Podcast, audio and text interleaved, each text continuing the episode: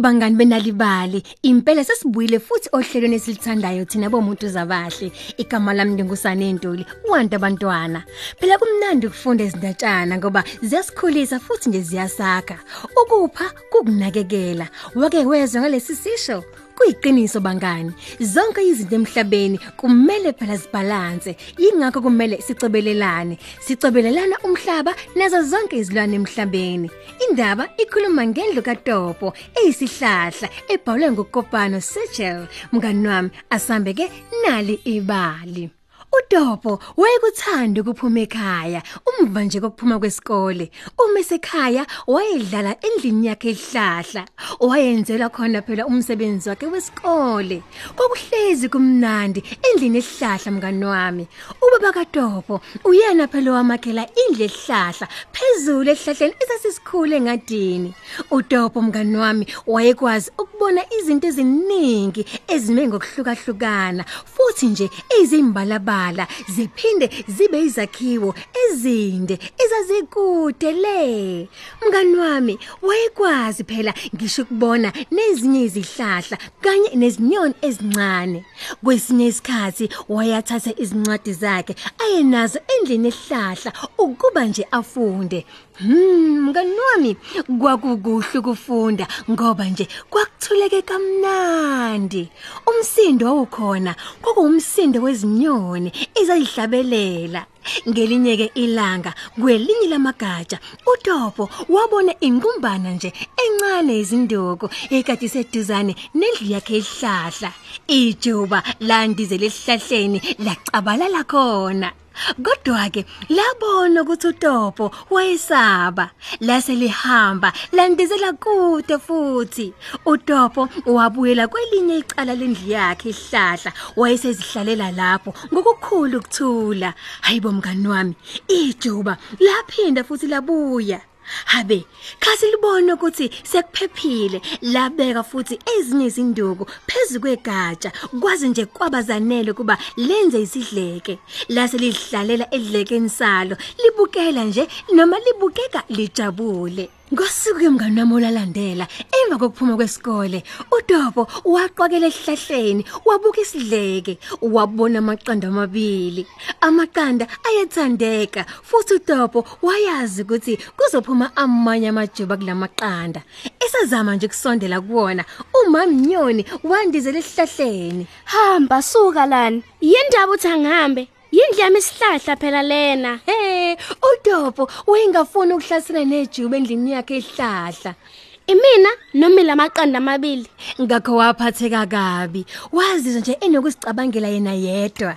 Indlu lena yehlahla kwakuyindawo yakhe futhi wayengafuni ukusuka kuyona mngani wami.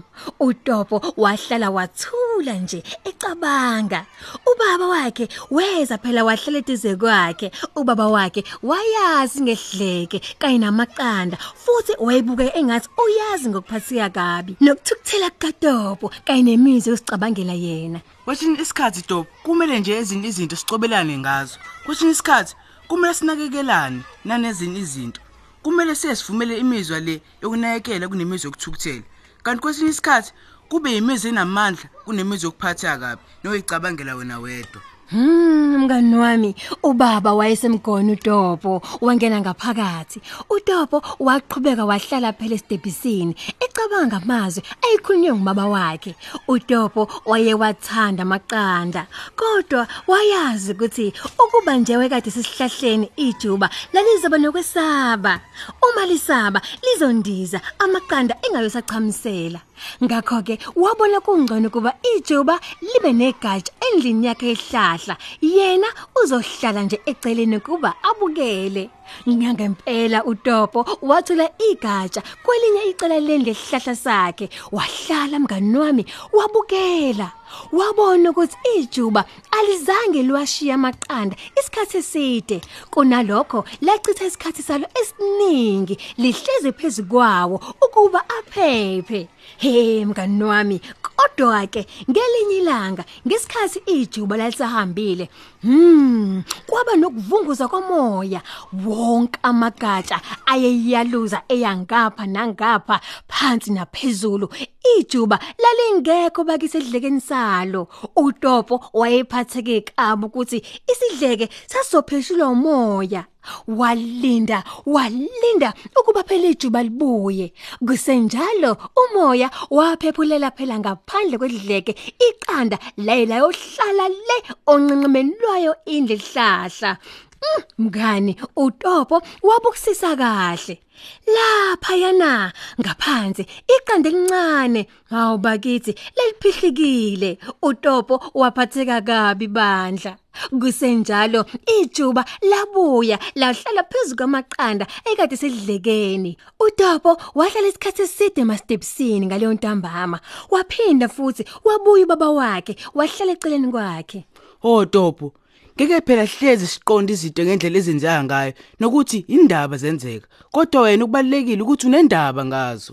Awuke bakithi ndawonye ke bahlala becabanga ngeqanda leliphihlikile kanye nejibe elincane elahlala ngesibindi phezulu kwamaqanda ekade salile edlekeni usuku ngalunye uTopo uma sebuyile esikoleni waya kobheka isidleke aqinisekise ukuthi iqanda likhona yini.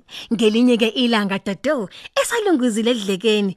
Habe wabona isidalwa nje esimbi esinomlomo omkhulu. Sasisincane kodwa singenazo izimpiko. uTopo wehle esihlahleni eqonde kuyoxoxela ubaba wakhe. Njalo ngosuku uTopo wayehlala abukela idleke. Umamjuba naye wayichitha isikhathi sakhe namajuba amancane elokho ekhula njalo njalo. Achitha isikhathi esiningi ezama phela uphaquzisa izimpiko zawo. Ngolunye usuku ekseni uTobe ephuma ekhishini wavele wama Hey mngani, kwakukhona ijibe elincane phambi kwakhe phezukotshani lizama ukundiza. uTopo wayejabulile kodwa wazimela nje wawabukela. Ijibe elincane lizama kanzima ukuphaquzisa amaphiko alo, lindizela phezulu emoyeni ibanga elincane, labuye lehla futhi. uTopo walilandela ijibe egcekeni lilokho lizama. Ekuhambeni ke kwesikhathi dado, ijuba laphaqula kakhulu amaphiko alo, landizela phezulu. Kulokhu ke alizange lehlele phansi. uTopo naye wama ukugijima, wabukela, wabukela inyoni encane indizela phezulu emoyeni. Wayijabulile ngempela mngani wami, kangukuba wazi wamemeza kakhulu, kwaba sengathi naye usefundile ukundiza.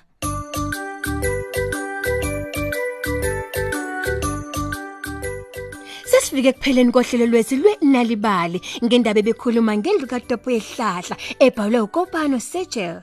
Ubuwazi ukuthi ukufunda noma ukuxoxela abantwana izindatshana ekhaya kungabasiza ukuba benze kangcono esikoleni. Uma uzithanda ezinye izindaba zethu ongasifundela abantwana bakho, ungavakashela kuma website yethu uthi nalibali.mobi ngomakhala ekhukhwini wakho uzihlomulele zona mahala nangolimo oluthandayo. Uphinde ukuthola amacebo okufunda kanye nokuxoxela abantwana bakho izincwadi nezindatshana kuba bakuthanda ukufunda. Inalibali lithi ke walethe ekhaya amandla endaba. Mina ngithi ni sale kahle.